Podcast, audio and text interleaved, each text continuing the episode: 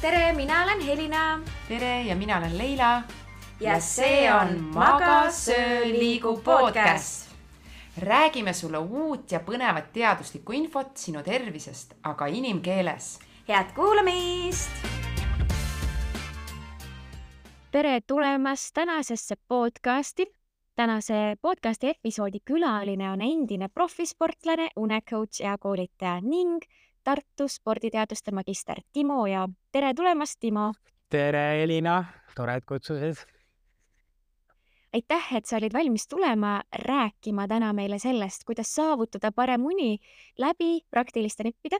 ning lisaks saad sa, hea kuulaja, teada ka harjumustest, mis tegelikult võivad röövida sinu une. aga Timo, alustame sellest, kuidas jõudsid sina une ja tervise teemade uurimiseni äh,? Üldse nagu terviseteemad ja ma arvan, ma jõudsin kaks tuhat kaheksateist, kuna ma siis äh, nägin peeglist, et miski on hakanud kõhule tulema äh,, mis ei meeldinud, ise nagu endine siis profikorvpallur ka, et küllaltki tervislikud eluviisid olid. aga miskipärast siis see kaal hakkas tulema ja siis ma nagu jõudsin esimese asja nagu toitumisteaduse juurde. ja siis sain asjad korda, tipp-topp vormi ja ja mingi hetk hakkas nagu unega nagu sihuke teema peale, ma üldse nagu hakkasin une peale fookust panema, kuigi ma ka hästi palju toitumist, ma käisin isegi õppimas toitumisnõustajaks, mille ma jätsin nagu pooleli. aga siis mul nagu jõudis ka, et nagu, et ma võin nagu tervislikult toituda, aga kui ma ei maga õigesti, siis äh,, siis sellest tervislikust toitumist tegelikult ei ole mingit nagu suurt nagu kasu. et, et äh, ja siis ma nagu lugesin raamatu Matthew Walkeri Miks me magame läbi, siis ma saingi aru, et oot, oot, oot, oot me peame hakkama otsima sellest peale, kuna see vundament ja see oli kuskil kaks tuhat, ma arvan, üheksateist kaks tuhat kakskümmend vist, kus ma nagu hakkasin nagu see une peale rohkem mõtlema, ma hakkasin oma und mõõtma. ja kuidas ma jõudsin nagu see une coach'ini, siis äh, ka siin eelmise aasta novembris olin, otsisin oma karjäärist nagu uut suunda, et ma olen ka nagu müügis olnud vahetanud erinevaid töökohti, mõelnud siis, et mis ma siis ikkagi tahan siin elus teha veel, mida ma saavutada tahan ja ja, ja siis ma nagu taipasin ka, kui ma olin niisugune karjääris nagu ma pidin jälle mingi sammu tegema, nagu ka see terviseteemad kogu aeg käinud kaasas minuga. siis ma mõtlesin korraks toitumise coach'iks, aga ma olingi hästi palju und ise uurinud juba kaks aastat, mõõtnud oma und. Ja siis mul nagu oligi, et une coach. Ja siis ma guugeldasin, leidsin mingid programmid. Äh, nüüd ma olen kaks programmi läbinud lõpuks, et saada siis seda autoriteetsust, aga ma arvan, et kõige rohkem on ikkagi äh, mind nagu selles arendanud see enda nagu huvi ja just enda probleemid. et enamus terapeudid tegelikult on kõige paremad terapeudid, kui nad on ise läbinud mingi siis nii-öelda katsumused ja neist on saanud. et see inimene, kes siis võib-olla aitaks soovitada läbi enda kogemuse, kuna paljud võib-olla võivad olla teoreetikud, nad läbivad koolituse ära nad saavad mingid baasteadmised teada, mida nad äh, räägivad, aga neil ei ole enda kogemust. kas sul, Elina, midagi niisugust nagu seost kohe või, või et füsioterapeut oled, et äh, mis sa enda koha peale? nii põnev lugu ja ma tean ju sinu story't, sinu story on ka tegelikult üleval sul kodulehel mm. -hmm ja see, kuidas see kõik toimub, mina ise olen läbi teinud anoreksia, võib-olla ka ortoreksia, olles ka tippsportlane olnud ilu- ja rühmvõimlejana alates kolmandast eluaastast kuni kuueteistkümnenda eluaastani tegin tippsporti. Ja sinna sisse mahtus armastus ja vihkamine spordi vastu. Samaaegselt, armastus ja vihkamine oma keha vastu ja ma ise olen ka pärast seda tegelikult äh, nii-öelda suutnud kokku võtta ennast ja, ja see kehakaal on läinud neljakümnest, kolmekümne üheksast kilogrammist kuni viiekümne kaheksa kilogramini kuude lõikes. ehk siis see frustratsioon, see kurbus, kõik see, ma olen tegelikult väga paljuski läbi käinud selle ja siis hakkan nagu tasapisi uuesti õppima oma kehaga head kontakti saama, mõistma, mis minu keha vajab ja tegelikult üks osa, miks ma just seda podcast'i teen ka on selleks, et inimesed, kes on sarnastes kohtades, võib-olla ka läbi käinud, õpiksid oma kehaga paremat kontakti saama ja nad õpiksid liikumist armastama, mitte et see liikumine oleks kas kaalulangetusviis või, või et see liikumine oleks see ainuke viis, kuidas saada six-pack'i või et õppida mingisugust toitumist äh, ainult sellepärast, et saada mingisugust kehakuju, onju. Et sellepärast mina teen ka, mida mina teen, on see, et aru saada, miks meie keha nii käitub, kuidas me saaksime oma kehaga väga head kontakti nii vaimses kui ka füüsilises tervises. jaa, selles mõttes huvitav kuulda, ma ei teadnud, vot ma ei ole sinu lugu kuulnud, et, et, et mina nagu enda koha pealt ongi sinu lugu kohe täpselt, sa oled nagu käinud seal kõige sügavamas kohas võib-olla ära, et mina nagu, ma olen kuidagi suutnud ennetada neid kõige hullemaid olukordi, et kui ma olin ka kaks tuhat kaheksa eeldiabeedi seisundis, et siis ma, mul ei olnud midagi hullu nagu lahti. et aga ma arvan, et jah, et, et inimestel, kui tuleks see nagu, nagu ma täna unes ka räägin, et nad hakkaksid juba varakult sellele mõtlema, kuna siis ka on niisugused head uuringud ka, kus ma võin ka pärast viidata, et küsitlusuuring tehti nagu sportlastega ja sa oled ka spordiinimene, siis siis äh, kui ma käin ka siin spordialaliitude juures, siis on kõige hullem on see olukord äh,, et sportlane valmistub, kujuta ette, olümpiaks neli aastat. ta teeb kõike selleks, et saavutada tipptulemuse, nüüd ta läheb nädalaks ajaks kuhugi hotelli, täiesti võõras keskkonnas, tal on õhukesed seinad, ta magab mingi imeliku padjaga. ma ei tea, tekk on hästi paks, ei hinga nagu õigemini, et, et sellele ma pööran nagu tähelepanu, et spordivaldkonnas, et hakkaks mõtlema ja oleks mingid tööriistad, et neid muuta nii-öelda, et kui inimene on see ekstreemne olukord Äh, siis ta teab täpselt, kuidas nagu mida teha. et see ongi see kõige suurem murekoht võib-olla inimeste juures, kellel on uneprobleemid, et, et olen küsinud ka, et näed, et sul on probleem uinuda, kas sul on midagi, mis sa teeksid selle vastu? siis inimene mõtleb, et ma ei oskagi midagi teha. et ja inimesed ärkavad üles öösiti ja nad ei oska ka nagu midagi teha, just see ma tuua, just selliseid nagu nippe. et see on nagu see põhiline, mis ma oma koolitustega nagu just tahan anda, et ma personaalnõustamist ei tee ikka muutub, meie nii-öelda see unemuster võib ajas muutuda. et äh, ja, ja see ongi see koht, kus me siis, äh, kui meil muutub see, siis me peame nagu seda teadvustama, aa, okei okay,, ma olen natuke nagu muutunud. Äh, no nagu pensionäridel nagu ongi see pensionäri unemuster muutub sellega, ma ütlen, keha toodab vähem melatoniini, ehk siis neile jäävadki juba AK uudiste ajal, mu vanaema juba on, silm kustub ja kell viis siis hakkab juba ajalehe järgi minema hommikul, noh, et, et et, et see nagu on, aga võta kakskümmend aastat tagasi, siis päris see unemuster ei ole veel mm. -hmm.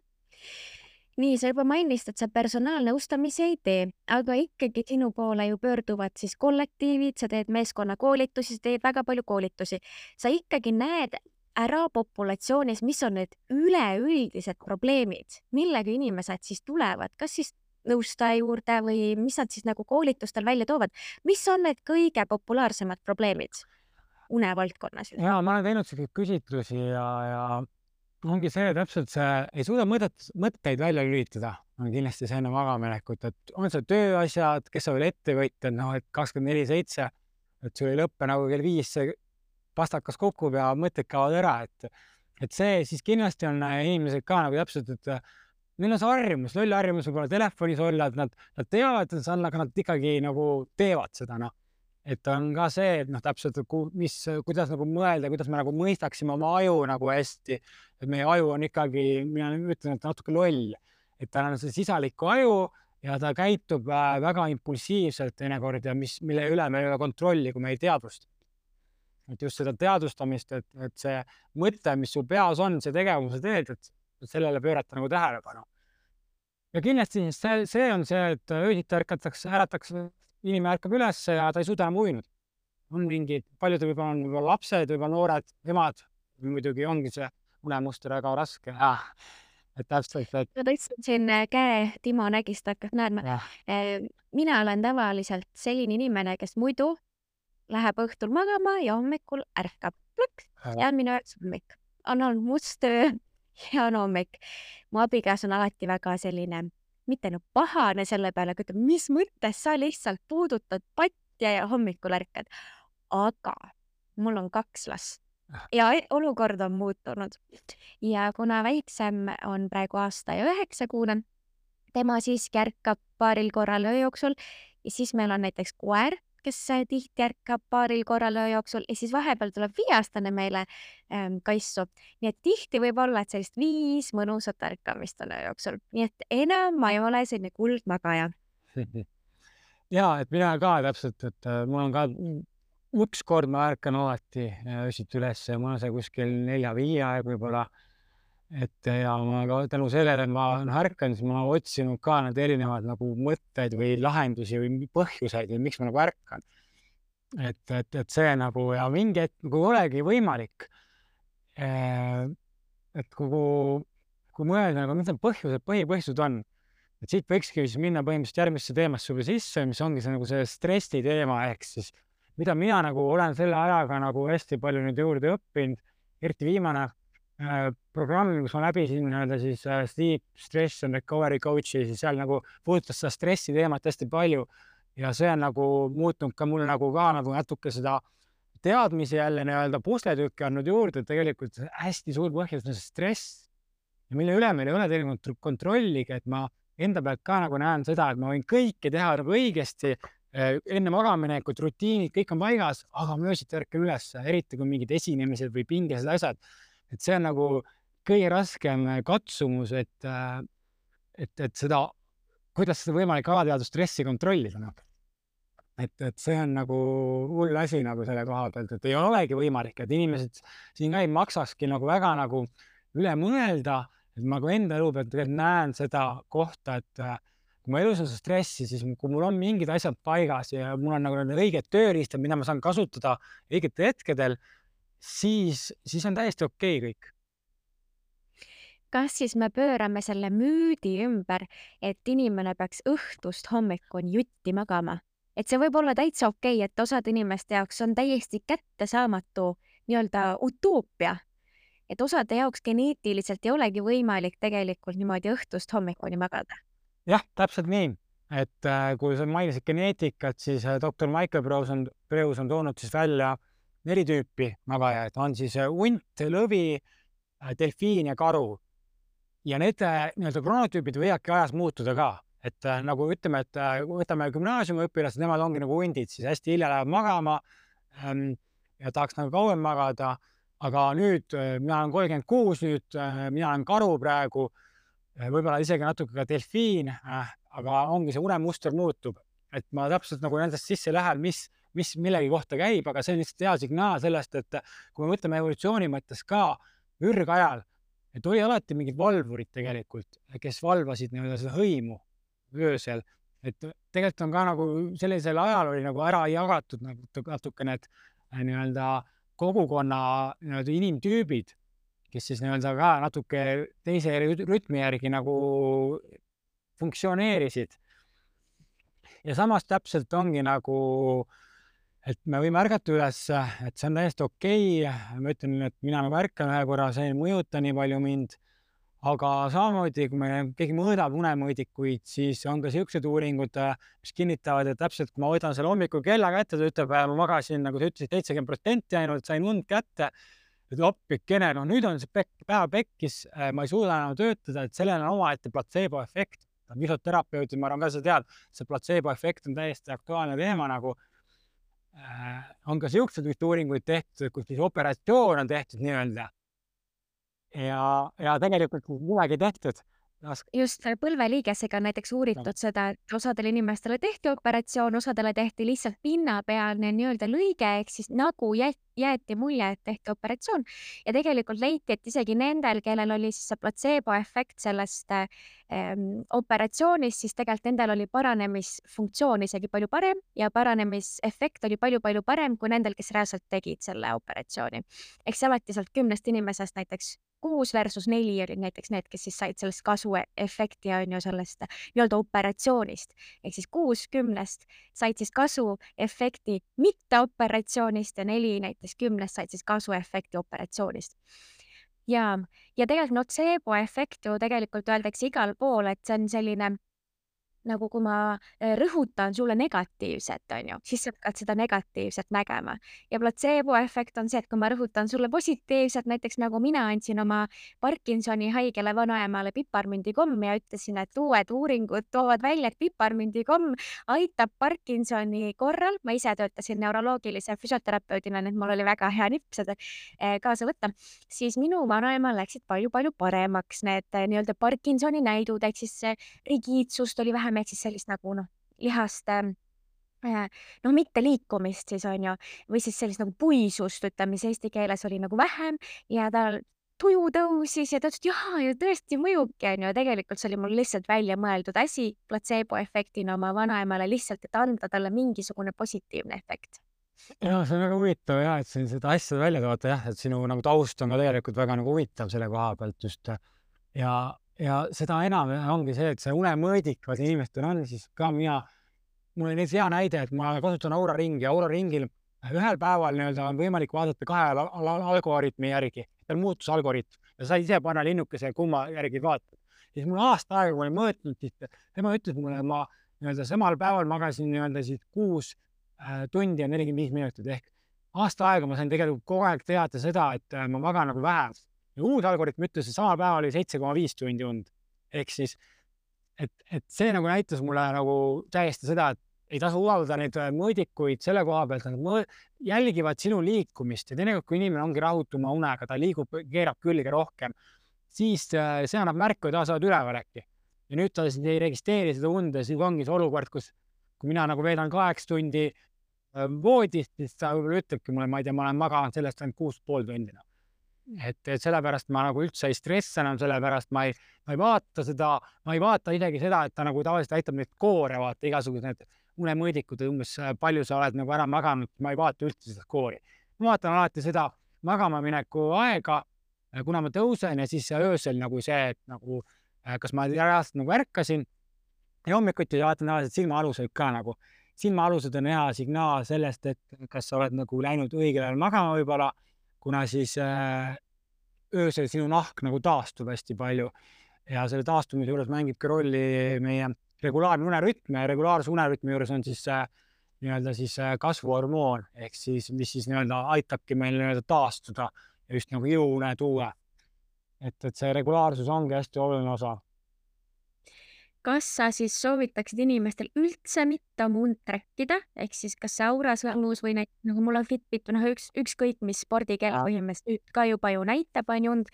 kas sa pigem soovitad mitte jälgida neid näite ja pigem jälgidagi oma äh, nii-öelda füsioloogilisi äh, sümptomeid siis ütleme siis näiteks, et need silmaalused, et kas on kotis, kas on tumedad, see enesetunne või, või on veel midagi, mida võiks jälgida ja mida, mida kindlasti mitte jälgida? Äh, ma arvan, et äh, alguses nagu ikka, kui me mõtleme turunduse peale, näiteks turundus tehakse AB testing, keegi mõõde, midagi mõõdetakse ja see mõõtmine annab ju mingeid äh, tulemusi meile, mille järgi me saame muutuseid teha, et õigemini see algselt võimalik, peaks tegelikult aru saama üldse ikkagi see mõõdik on see harjumuse üks hea samm, et sa hakkad nagu nägema, vaata. ja sul tekib nagu mingi oma unemuster ja sa hakkad aru saama nagu, et äh, sellest ja sa hakkad nagu seda nii-öelda siis äh, mõistma. kui sa hakkad mõistma, siis saad muuta, sa ei saa enne elus midagi muuta, kui sa ei ole mõistnud. minu jaoks tegelikult sihuke ka elutarkus, et mis asi elutarkus on ja siis ma nagu omaette ükskord ma nagu nii-öelda muukisin lahti selle niimoodi, et äh, minu vanaema saab üheksakümne aastaseks, aga ma ei saa öelda, et ta on elutark. sellepärast, et ta on nagu tulnud äh, sellisest ajast äh,, kus on kaks sõda olnud, tema muretseb, et mul oleks kõht täis väga tihti, et õigemini ja siis ma nagu saan aru, kui ta tuleb, siis äh, ma loen hästi palju ja siis ma olen nagu aru saanud, et elutarkus tuleb mõistmisest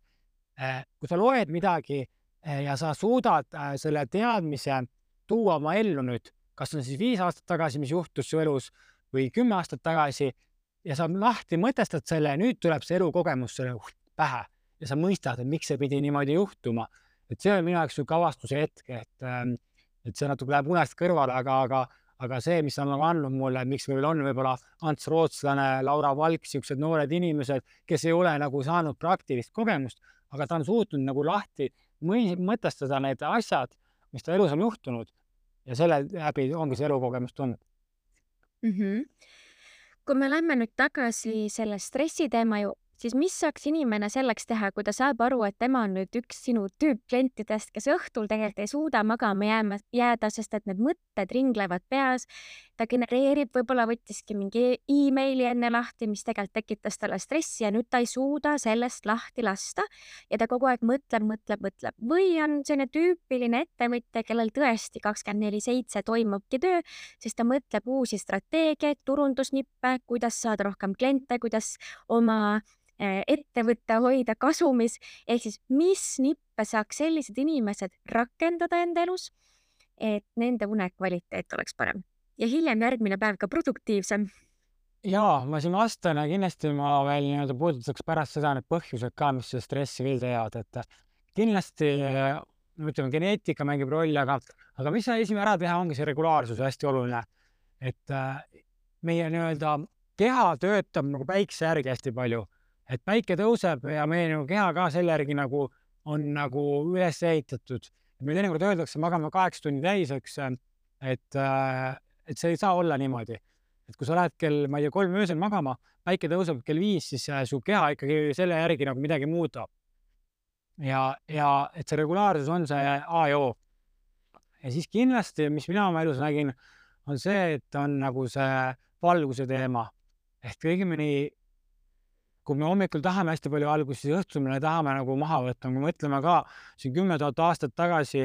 äh, kui meil oli lõkke tuli ainult, siis inimese keha ongi nii-öelda harmooniline, on niisugune punakam valgus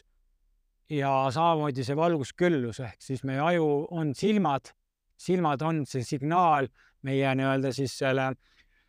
suprakasmaatilisele tuumale nii-öelda ajus ja see omakorda siis käbinäärmele. Ja see nii-öelda siis, see signaal tuleb, läheb puhtalt läbi silmade. ja et see valgusele pöörata tähelepanu, et võtta nagu allapoole need tuled, et ei oleks nii eredad. ja et see on nagu see üks põhjuseid, siis äh, stressi teemal siis ongi see, et äh, et me seda stressi reguleerimine on hästi oluline osa ja üks kõige lihtsamaid viise, kõige kiiremaid viise kehale teada anda, et kuidas nagu rahuneda, on hingamine, hingamispraktika Äh, box breathing, äh, ninasõõrme hingamine, koherentne hingamine on niisugused liigid või üldse niisugune teadlik hingamine täiesti, et sa paned tähele, siis see nagu aitab ka kehal nagu rahuneda, sest kui meil on kehas nii-öelda siis see kortisol on kõrge, stressihormoon, siis melatoniin on madal ehk me ei saa und toota. ja see on nagu võib-olla see kõige suurem põhjus, kus me siis ei saa oma aju välja lülitada, äh, kuna siis keerleb peas need asjad, et äh, kindlasti need on nagu siuksed äh, kõige põhilisemad äh, asjad, mis ma kohe nagu soovitaksin inimestel nagu muuta. kui kaua enne magama jäämist võiks need tuled siis timmida ehk siis niimoodi vaiksemaks lasta? meie näiteks kodus kasutame seda soolalampi mm. -hmm ja toimib ka väga hästi lastel. Või siis on meil teine valgus on siis see mm, nagu küünal, aga see on elektrooniline siis jah. Mm, ta ise võngub, tekitab täpselt samasuguse ähm, küünlavihu. Ehk siis ta jätab mulje, nagu mul oleks elav küünal toas, aga see on lihtsalt patareide pealt. nii et saab iga hetk välja lülitada ja ei tekita mulle mingisugust tulekahjut kodus nii et meil on nagu sellised kaks väikest nippi mm., pluss siis me vahetasime enda kodus tegelikult ka õhtuks tuled ära, sellised, nad on pigem kollakama tooniga. ja, õhtuti me enam ei kasuta väga palju selliseid äh, päevavalguslampe. ja, et äh, see on nagu mõtlen, kujutame üldse, ma olen vaata kolmkümmend kuus, me mõtleme kakskümmend aastat tagasi, siis meil olid hõõgpirnid olid ainult laes, vaata. ja see hõõgpirn on ka nagu väiksema nii-öelda Kelvini ja siis luksiga nagu, et kui meil ka tegelikult mõelda, kui valgus on kontorites mõõdetakse valgust, kuna siis võib tekitada ju peavalu ja see on reaalne nagu põhjus, et mis, mille järgi peab nagu hoidma seda valgust, valgusel on hästi oluline mõju. me, me nii-öelda, kui me tööl käime, me teame seda, kui me kodus oleme, siis me nagu ei pööra sellele tähelepanu väga. aga kindlasti üks soovitus on ka punane valgus, kui mõtled üldse nagu päikseloojangule ja lõkkevalgusele, siis lõkkevalgusel on punakam toon, siis mina kasutan, mul läheb kuskil kakskümmend kaks, viisteist, üksteist läheb magama, läheb mul nagu paneb punakaks kõik. ja see punaka taustal saab ka lugeda. et, et ja see nagu on hästi sihuke, luua nagu kehale seda head harmooniat, seda stiimulit, et kui see Pavlovi efekti tead, vaata, kus siis koeral hakkab ila voolama juba puhtalt selle peale, et kui me seda kappi, kapist seda toitu välja võtame, et meie keha tegelikult tahab ka nagu niisugust nagu mingit signaali selleks, et nagu, et nüüd oleks aeg magama jääda ja see punane valgus on ka nagu bioloogilises mõttes päikseloojang, ehk siis kui päike loojus, siis läks mingi aeg mööda, siis me hakkasime ju magama minema vanasti. et see punane valgus on see tegelikult see, mis samamoodi toob, et kui see soolalamp võib-olla, äh, kuna soolalamp muidugi on see ka, et ta on ikkagi natuke sihuke eredam valgus, äh, et punane valgus nagu rohkem on nagu harmoonias selle päikseloojanguga ja see, see nanomeetri lainetus, et igal valgusel nii-öelda on oma nagu niisugune valguslainetus ja punane on siis äh, seal üle viiesaja viiekümne, mis näitab, et äh, see ei mõjuta melatoniini tootmist, ta ei blokeeri nii-öelda siis seda produktsiooni ära meil. kas see punane valgus siis on mingi konkreetne seadeldis, mida peaks siis, ei, ütleme, jaa, lihtsalt veetpirn, et on siukse puldi peal, ehituspoest on võimalik osta puldiga mingi ah-, ahme omad nii-öelda täiesti paned lihtsalt äh, selle valguse peale. mina nagu olen seda kasutanud. ma näen, et see nagu mõjub ja selle taustal raamatut lugeda kümme-viisteist minutit on nagu ideaalne, et tahad oma mõtted nagu mujale ja samas keha nagu toodab seda melatoniini.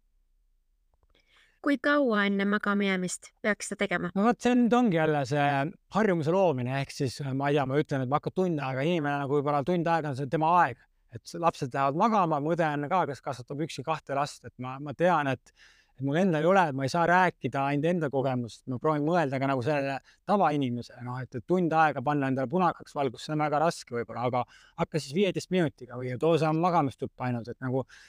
lihtsalt hakka oma elusse tooma seda ja siis vaata, kaua sa saad. et esimene asi on see, et sa lähedki, ostad selle pirni ära ja hakkad panema seda iga päev, mitte seda, et sa ostad ära ja siis unustad seda teha. Noh. Need on need esimesed sammud ma tean, et me mõlemad oleme aatomharjumuste raamatu fännid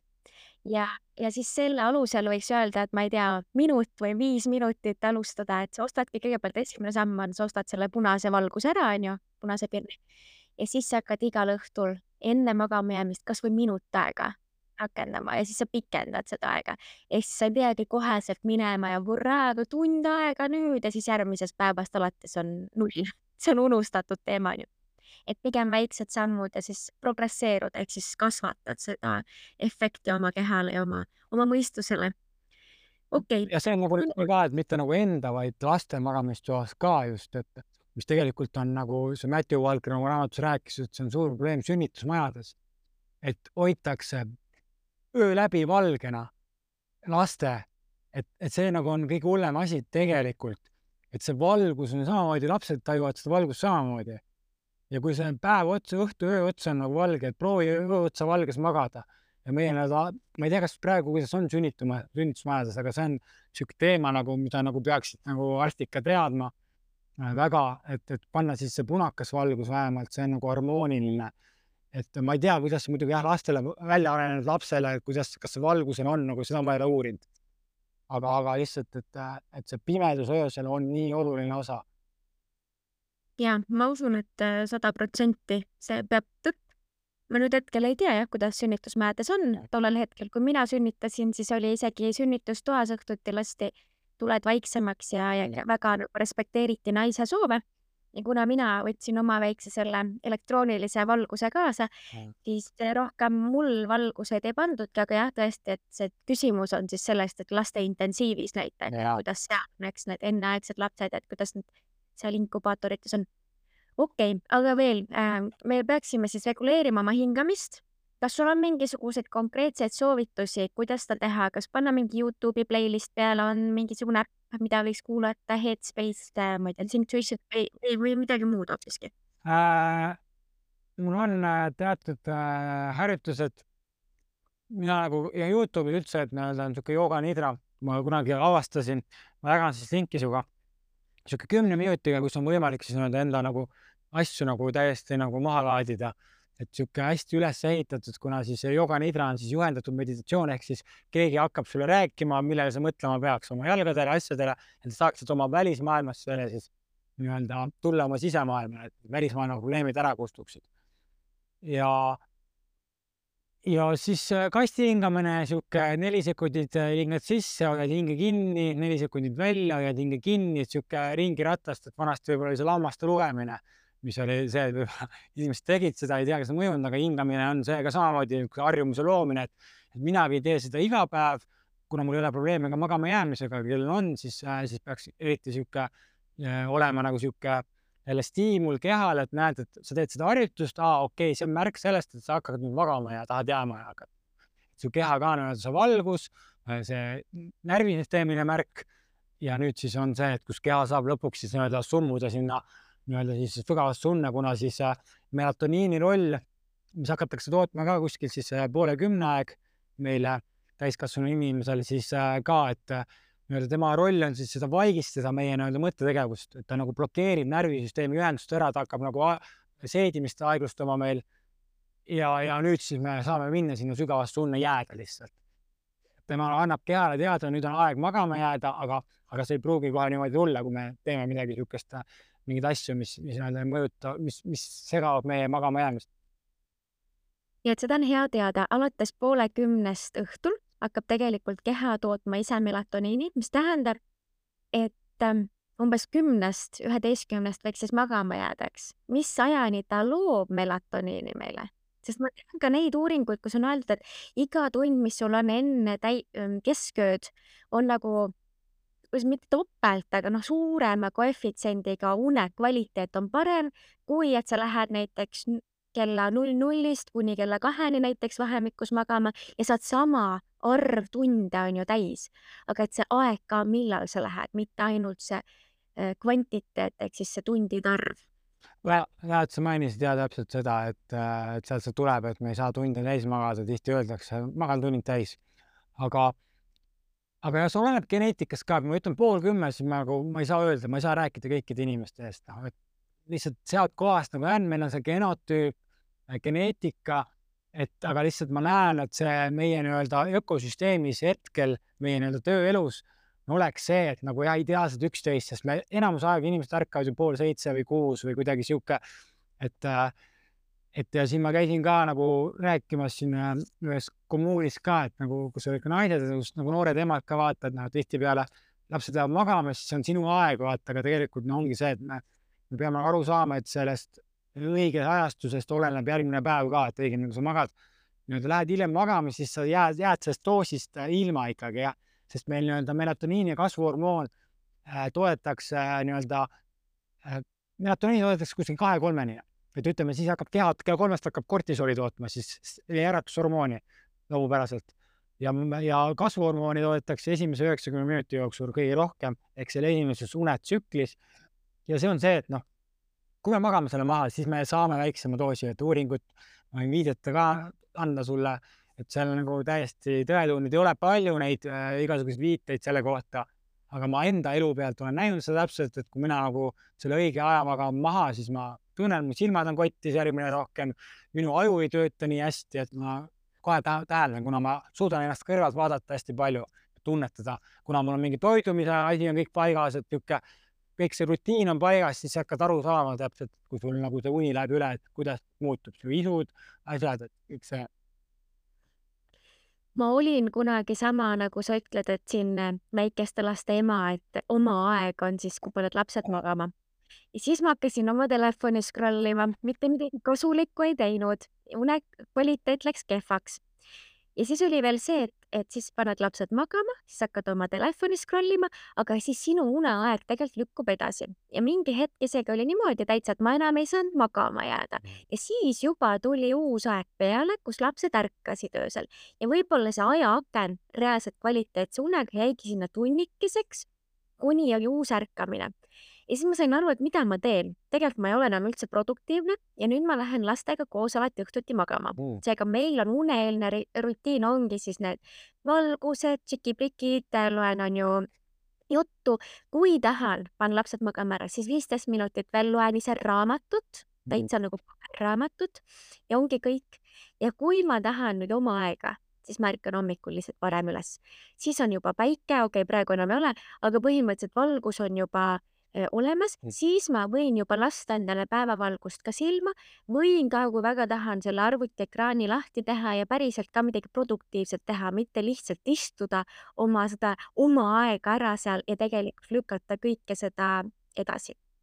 nii et minu nagu nipp tegelikult väikeste laste emadel on see, et pigem võta see tunnikene hommikul, kui sa saad ja lihtsalt hakka harjutama ennast pigem siis nagu hommikuinimeseks. see hommikul võetud aeg on palju parem, palju kvaliteetsem, kulla hinnaga, kui see, et õhtul tegelikult sa venid tõsta püksikummi ja sa tunned, nagu sa jääksid millestki ilma ja siin kohe mul tuli ka pähe see täpselt, et aga nüüd inimene ütleb, et aga mul ei tule und varem vaata, et noh, et nagu, et minu see kronotüüp, genotüüp ei ole nagu see, äkki ma olengi see hunt. siis on tegelikult niisugune doktor Panda, minu arust oli selle uuringus ka tegi, kus siis äh, viidi siis insomniaga kooliõpilased või ülikooliõpilased viidi metsa kaheks päevaks, siis kõik need, kes olid nagu probleemsed öökullid nii-öelda, läksid hiljem magama, muutusid lõokeseks, ehk siis et me, kui me teeme nii-öelda restardi oma nii-öelda selle bioloogiale ka näiteks, et sa võtadki täiesti nagu maha või umbes kaheks päevaks lähedki kuhugi metsa ja ühtegi elektroonikat ei ole nagu. Me teeme restardi ja nüüd me võime tulla sealt tagasi nagu ja me oleme nagu selles heas rütmis nüüd uuesti tagasi sest ma enda pealt olen näinud see valguse teemal eriti veel, et õigemini, et kui inimestel, kui hakkab nagu õhtuti silmad sügelema, et ma olen nagu tajunud seda, kui mina nagu muutsin selle valguse, ma tõin selle punaka valguse, siis mul ei ole niisugust asja, et mu silmad hakkavad sügelema.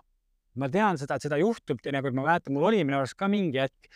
kui sa oled nagu sellest äh, telekas või sellest arvutist ja pingsad seal enne magamaminekut tööd, siis, siis ma tunnen, olen tundnud vist sihuke, et hakkad nagu sügelema ja siis elad voodisse, kuidagi see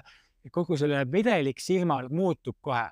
minu arust see valguse ma olen näinud, et sellel on suur mõju sellele täpselt, me ei saa lihtsalt nii pikalt kogu aeg selle valgusega koos olla, kui me hakkame hommikul, ma ei tea, kaheksast istuma arvuti taha ja me oleme ikkagi siis nii-öelda veel telefonis või mingi, ma ei tea, pool tundi enne magaminekut, see pool üksteist või seda ma olen just nagu tajunud, mis mul nagu pähe klikkis kohe. ehk siis kokkuvõtlikult selleks, et vähendada oma erinevaid mõtteid, õhtuseid mõtteid peas,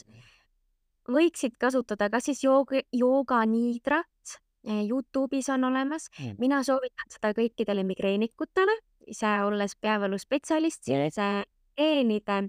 ja ennetuseks ja siis nagu alandamiseks aitab jooganiidra väga hästi. Mm on isegi teaduslikke artikleid selle kohta tehtud mm,. siis äh, punane valgus mm. -hmm. ja siis see regulaarsus, millest sa oled rääkinud, et tegelikult, kui sa lähedki öösel kell üks magama, järgmisel õhtul proovid kell kümme minna magama, siis arvatavasti sa ei jäägi magama ja siis tekibki selline frustratsioon, aga ma ju ei jää magama, onju. Mhm. et sa kogu aeg pendeldad oma uneajaga mm.. nii et siin sellest ähm, sinu kogemusloost tuleb ka ju välja see, et sa hakkasidki hästi teadlikult jälgima oma unetsüklit selles mõttes, et mis hetkel sul hakkavad siis silmad näiteks väsima, onju. et, ähm, et noh, teadki, et umbes kakskümmend üks, kolmkümmend hakkab see melatoniin su kehas tekkima, mm. mis sa siis saad sellega teha, onju, et hakkad võib-olla jälgima äkki lähedki kell kümme, hakkadki neid uneeelseid rutiine tegema, onju, kõigile see ei sobi, aga võib-olla sulle sobib. ja ütleme jah, täpselt, mina nagu ongi see, et mul nagu iga jumala päev on see, et mu kakskümmend kaks, viisteist on see viimane aeg, kus ma nagu telefonis midagi teen. et kakskümmend kaks, viisteist on, hakkab see, kus ma nagu tõsiselt nagu kõike nagu need valgus äh,, telefoni, kuna siis telefon ka, ma ise tajun seda näiteks, et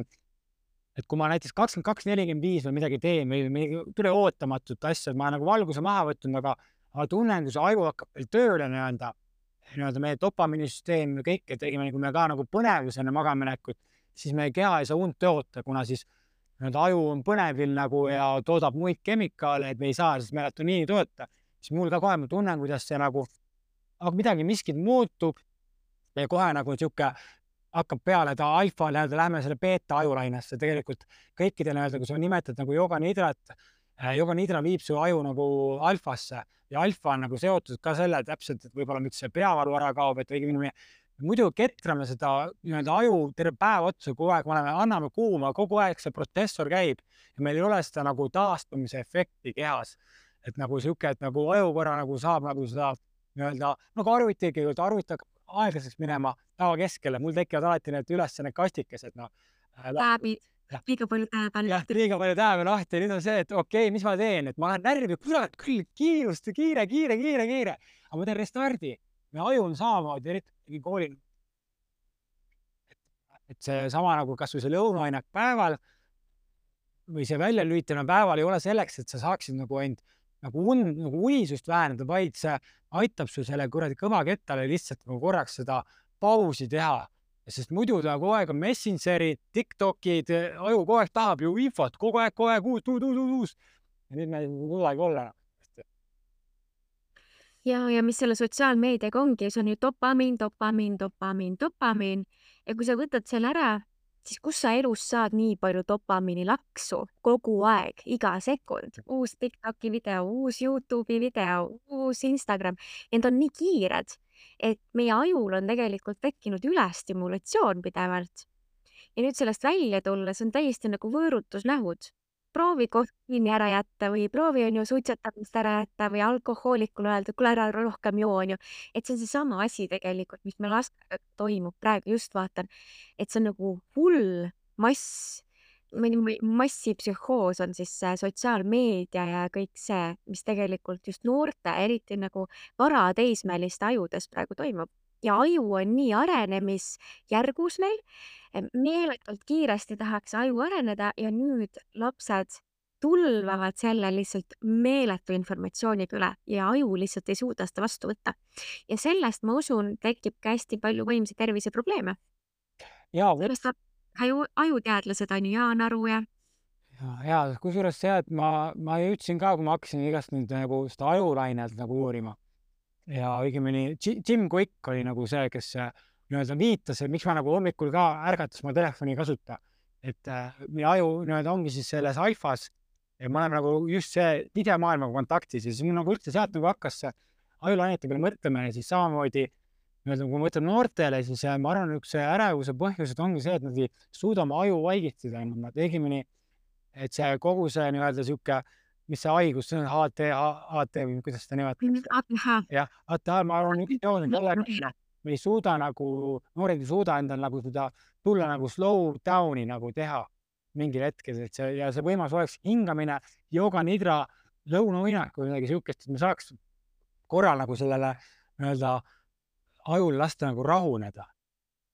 et, et aga me siis nii-öelda võtamegi, kogu aeg on võib-olla siis äh, kofeiin, mis on täna suur probleem, et õigemini, kui me räägime stressist veel korra, siis see ongi see, et äh, kofeiin tõstab meie stressitaset. nüüd on see, et me oleme kogu aeg nagu päeval töös, me kogu aeg teeme midagi, me kogu aeg laadime endale kofeiini sisse, me oleme kogu aeg stressis ja nüüd ongi see, et kogu aeg keha nagu on, kogu aeg käib niimoodi päevad läbi ja nüüd toimub mingi hetk nagu see pauk ära, läbipõlemine, stress, et inimene ei suuda nagu taastuda, et seda nagu slow down'i teha oma kehale nagu. ja maha laadida ennast, et see oli ka üks hea vestlus. et, äh, et äh, mul sõbraga oli ka, kes on nagu sihuke äh, startup'is tegevjuht, liikunud kõrgele ka, siis me nagu, siis ta nagu rääkis ka seda, et peale tööd teinekord on see olukord, kus siis me, me ei saa nagu sellest tööst maha kuidagi ja siis tema nagu teeb Wim Hofi, läbi minu, ta nagu hakkas Wim Hofi tegema, hingamismeetod ja see Wim Hof nii-öelda siis aitab ka nagu maha laadida või see nagu sport peale tööd aitab maha laadida, kuna meil sees on nagu see energia, mis selle tööenergia jääb ja me tahame kuidagi sellest lahti saada, siis ongi niisugune läbi füüsilise aktiivsuse või mingi füüsilise muutuse, on see läbi siis nii-öelda hingamise, siis me tegelikult suudame seda teha ja nüüd on see olukord, et kui me seda ei tee, siis me hakkame nagu magama minema, aga me ei ole kuidagi suutnud ennast maha laadida endiselt kogu sellest päevast. ja nüüd ongi see, et ei saa magama jääda minu jaoks on kehaline aktiivsus üks äh, ütleme nagu informatsiooni mahalaadimise viisidest. et kui ma lähen jooksma,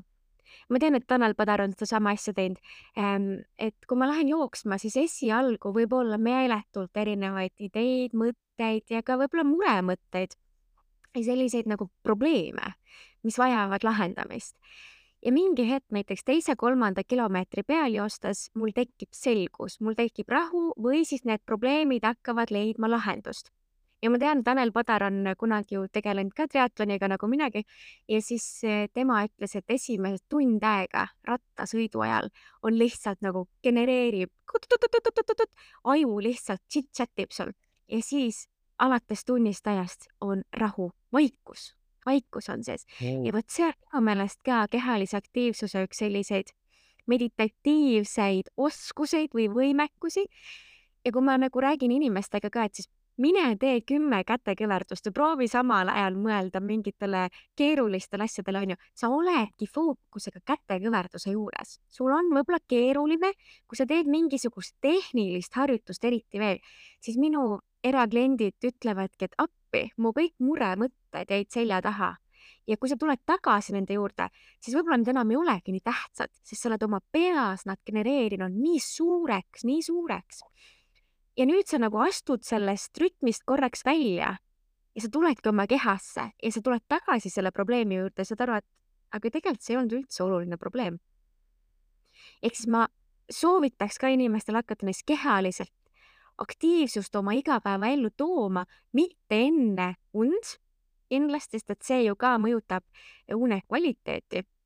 sest otseselt ka kehaline aktiivsus natuke tõstab kortisooli taset ehk siis stresshormooni, hiljem küll langetab seda, aga see võib ka ärgitada meie sümpaatilist ehk siis sellist nagu aktiivset närvisüsteemi. aga mida me tahame teha unes, on ju parasümpaatiline ehk siis selline aeglustav närvisüsteem ehk siis rahulik niidra jooga stiilis hingamine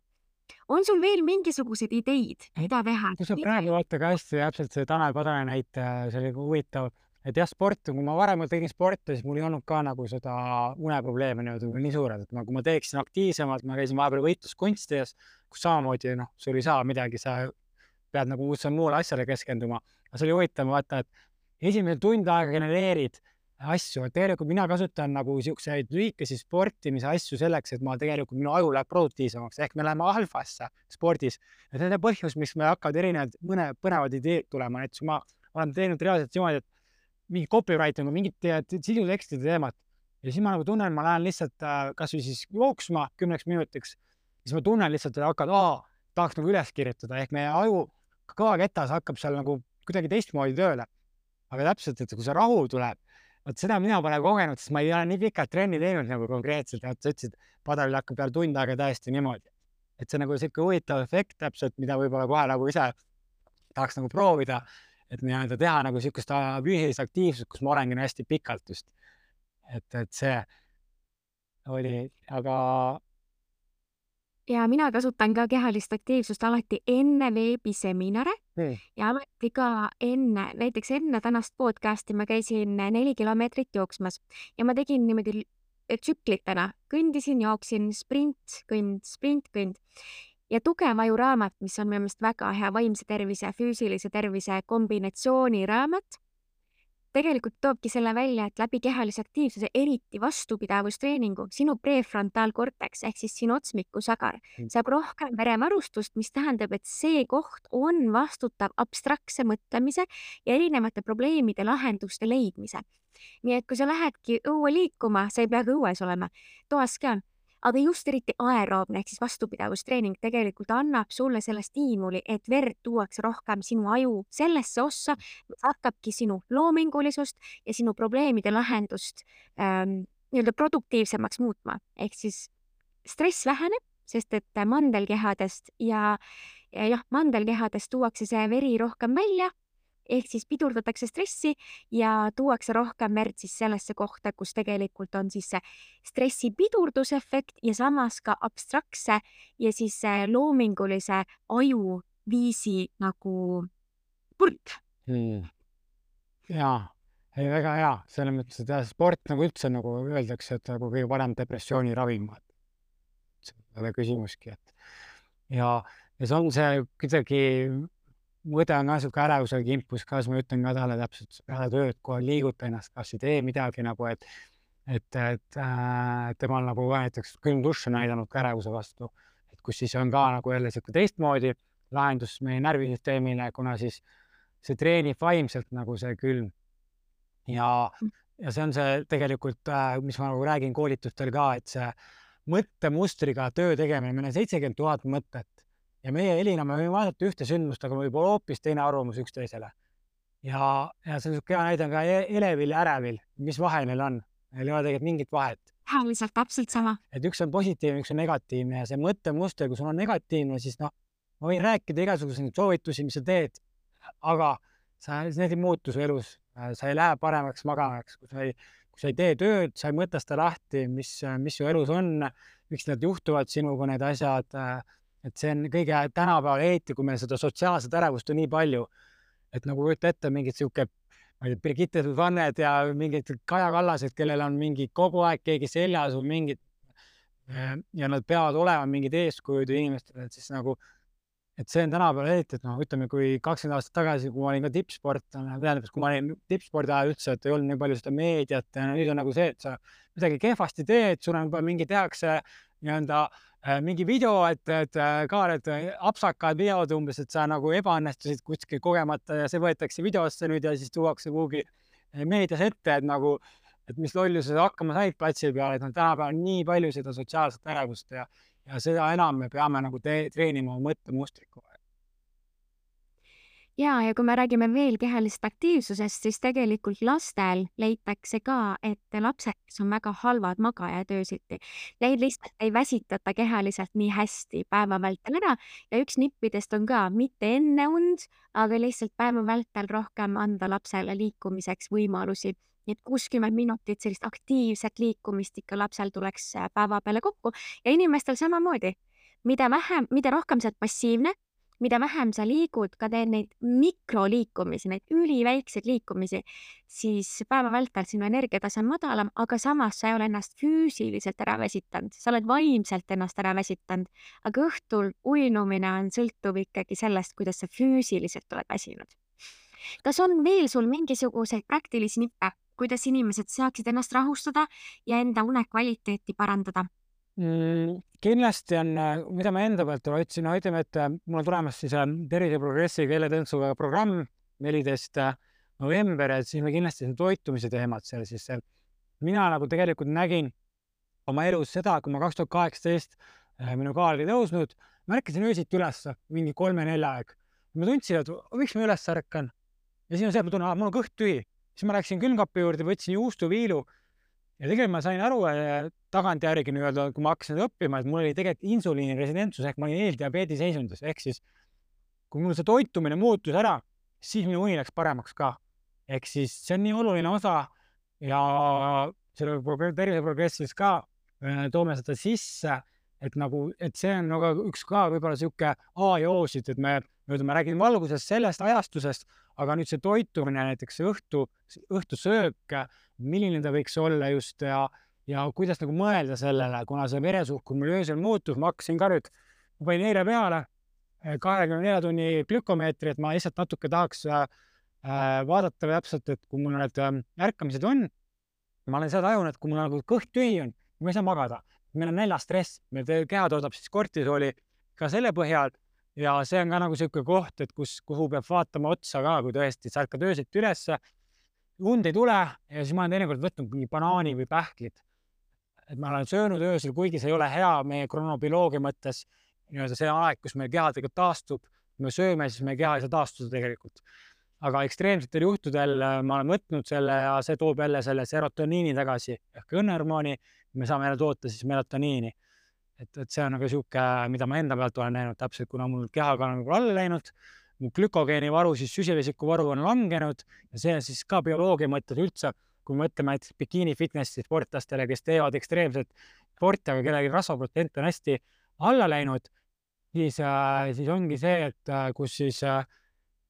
keha hakkab siis bioloogilises mõttes tootma siis ära erkushormooni, sellepärast et evolutsiooni mõttes see on näljamoment, et nüüd on vaja toitu otsida, et sa ei saa magada enam, noh, et tekib selline olukord.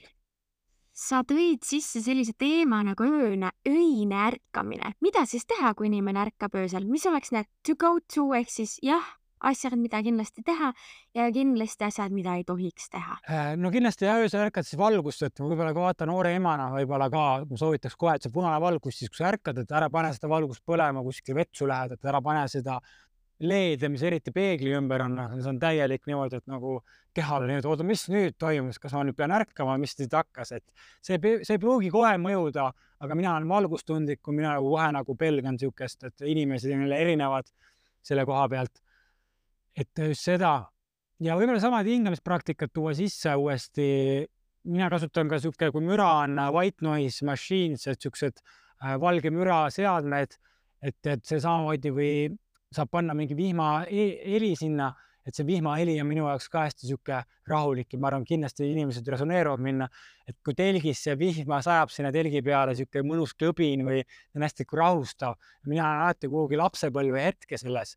vihmaklõbinas et ma mäletan nagu õigemini, ma suudan nagu selle vihmasabinaga, kui sa ka, sa suudad sellega sellel hetkel, kui sul on peas võib-olla töömõtted, sa suudad selle heli, heli tõttu minna kuhugi lapsepõlve ja sul kaovad ära need, need tänapäeva need tööprobleemid ja muud suhteprobleemid. näiteks sihuke hea ja, ja tegelikult Youtube'is on ka minu meelest olemas ju täitsa need white noise äh, erinevad, et sa ei pea ostma selle jaoks eraldi seadeldist mm. -hmm et sul on võimalik panna siis need lihtsalt audiofailid tööle. jah, täpselt. ja teinekord, mis ma nagu olen ka uuringutega jäänud, ongi see, et tulevad mingid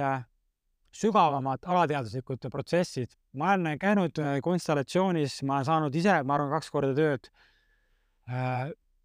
viimane kord, kui ma käisin, õde tegi tööd mul, siis meil oli väga niisugune dünaamika, mis võib-olla mõjutas nii mõlemaid meid, et ütleme, et et see konstellatsioon on nii-öelda natuke uhuu, et see väli, kui see energeetiline väli töötab nagu sugupõlve, aga tegelikult on niisugused vaskussidega tehtud uuringud, kus siis trauma püsib neliteist äh, generatsiooni meie DNA-s. ja, ja on olukordi olnud, äh, kus siis äh, inimesed on pöördunud minu poole.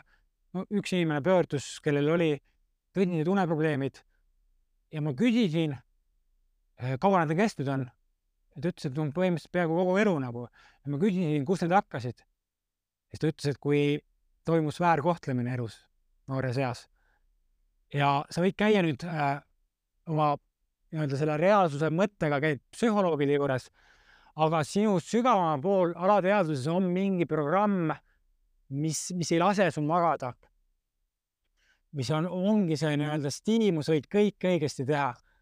aga, aga see vajab nagu niisugust alateaduslikku nagu lahendumist ja see teinekord ei pruugi meid aidata psühholoog,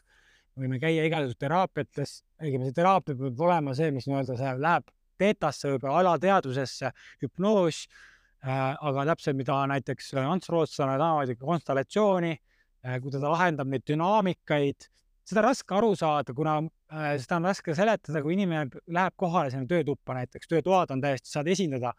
nii-öelda, siis sa nagu hakkad aru saama, et muidu on nagu väga raske seda selgitada, kuidas see töötab. aga see on nagu avanud minu jaoks hästi palju uut äh, infot ja oma selles koolituses, äh, mis meil novembris hakkab, ma kutsun ka konstellööri, kus me siis puudutame ka seda äh, konstellatsiooni, me puudutame ka siis human disaini ehk siis kui me varem siin korraks rääkisime, et on erinevad energiatüübid ja mina olen manifestor, et õigemini, et sellel mustril võib olla ka oma unerütm, et meil on geneetika, siis meil on energeetiline unerütm, et see on niisugune natuke Äh, et ma nagu tahan tuua veel pusletükkesid inimeste juurde, võib-olla kui nad saavad aru, siis nad võib-olla on ka rahulikumad magajad, kuna nad on ennast stressa, kuna see on sinu, tema isiksusega. aga nüüd on tähtis, et sul oleks need tööriistad, kui sa oledki kehv magaja, nagu sa oled nagu manifestor nagu minagi, nüüd on vaja neid tööriistu, mida ma nagu siis annan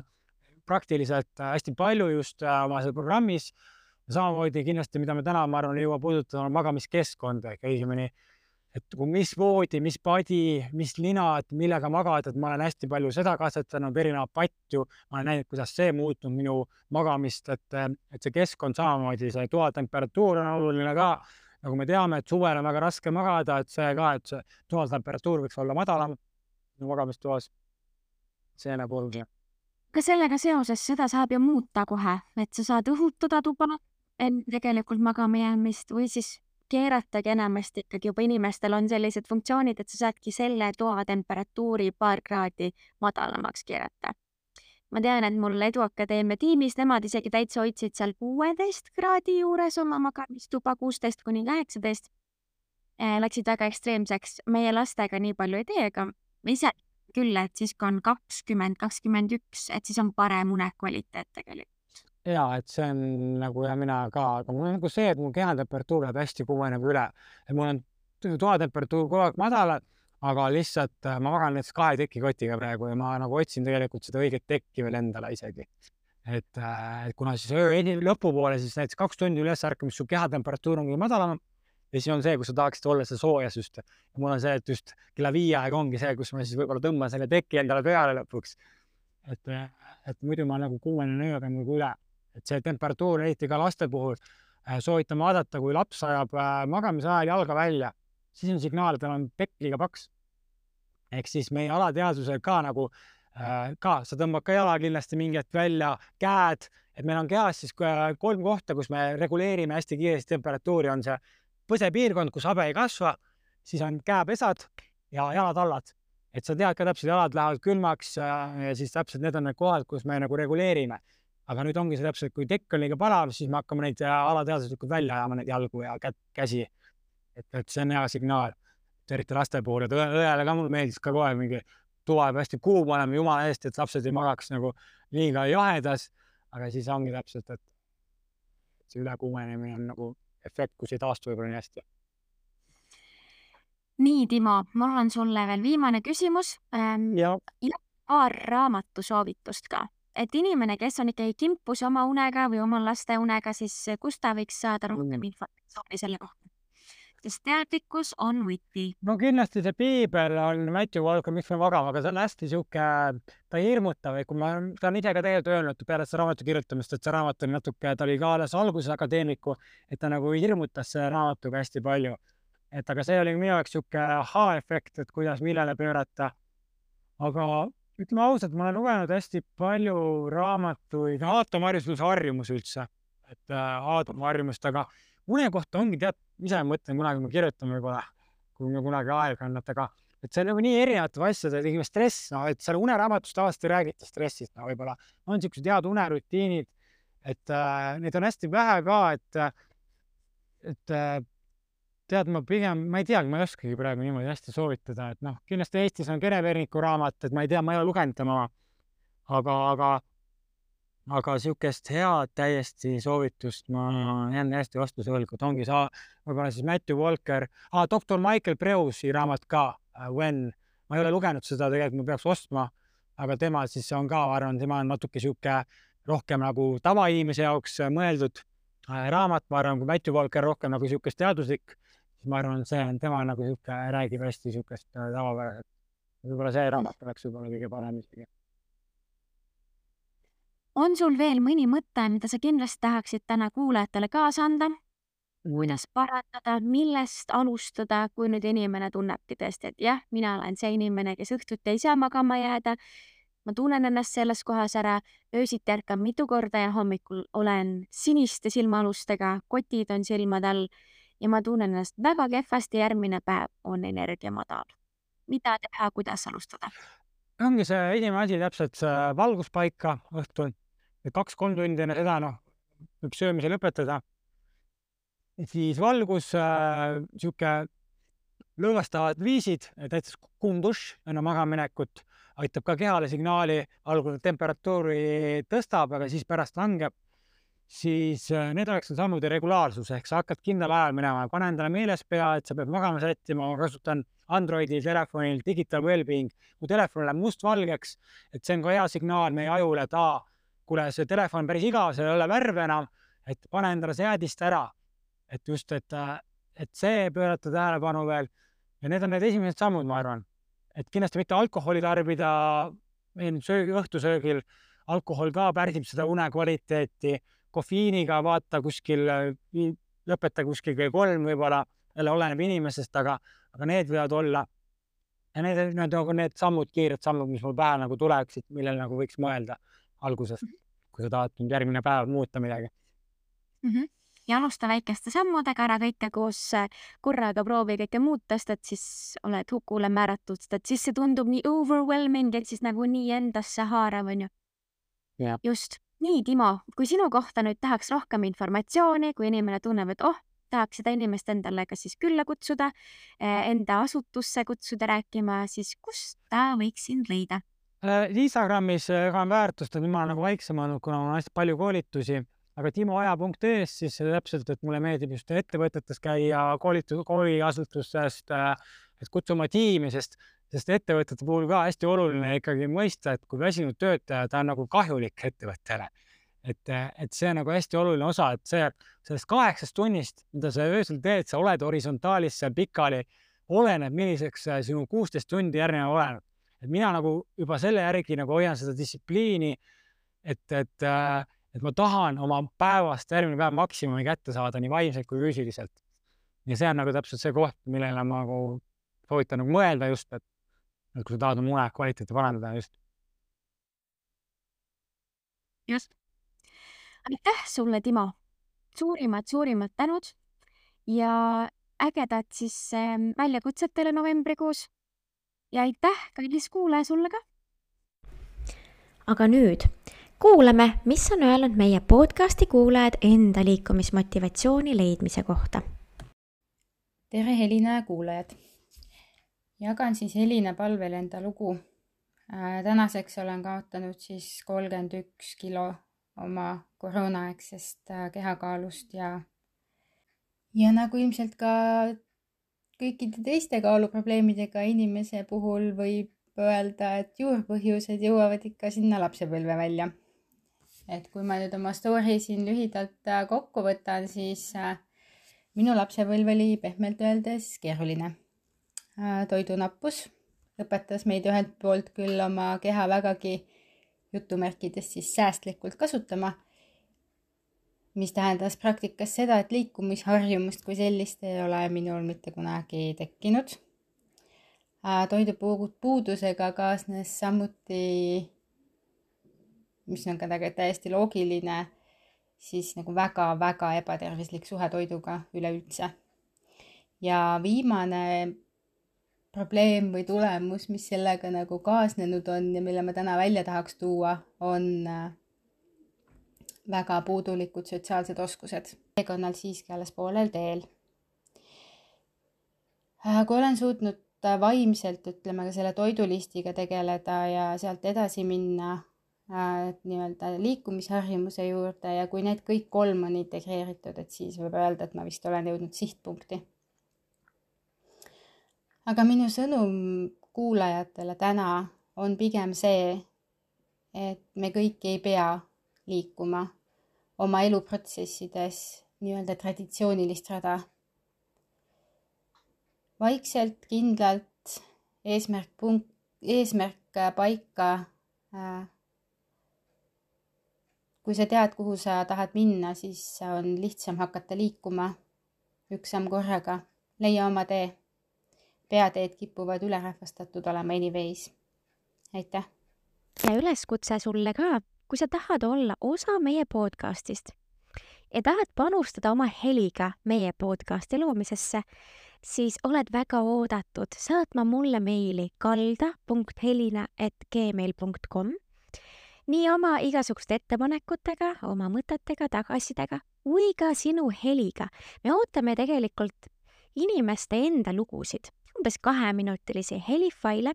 sellest, kuidas meie kuulajad on leidnud liikumismotivatsiooni ja kuidas nad hoiavad seda üleval.